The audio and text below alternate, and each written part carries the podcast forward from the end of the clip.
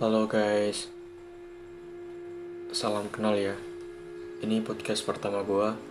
Di sini gue bakal cerita, bakal curhat, bakal nge-share apa pun di kehidupan gue, masalah di kehidupan gue, problematika dan lain sebagainya. Pokoknya gue bakalan share di sini karena gue tahu gue bukan orang yang suka atau bisa mendem sesuatu itu sampai lama banget gue nggak bisa.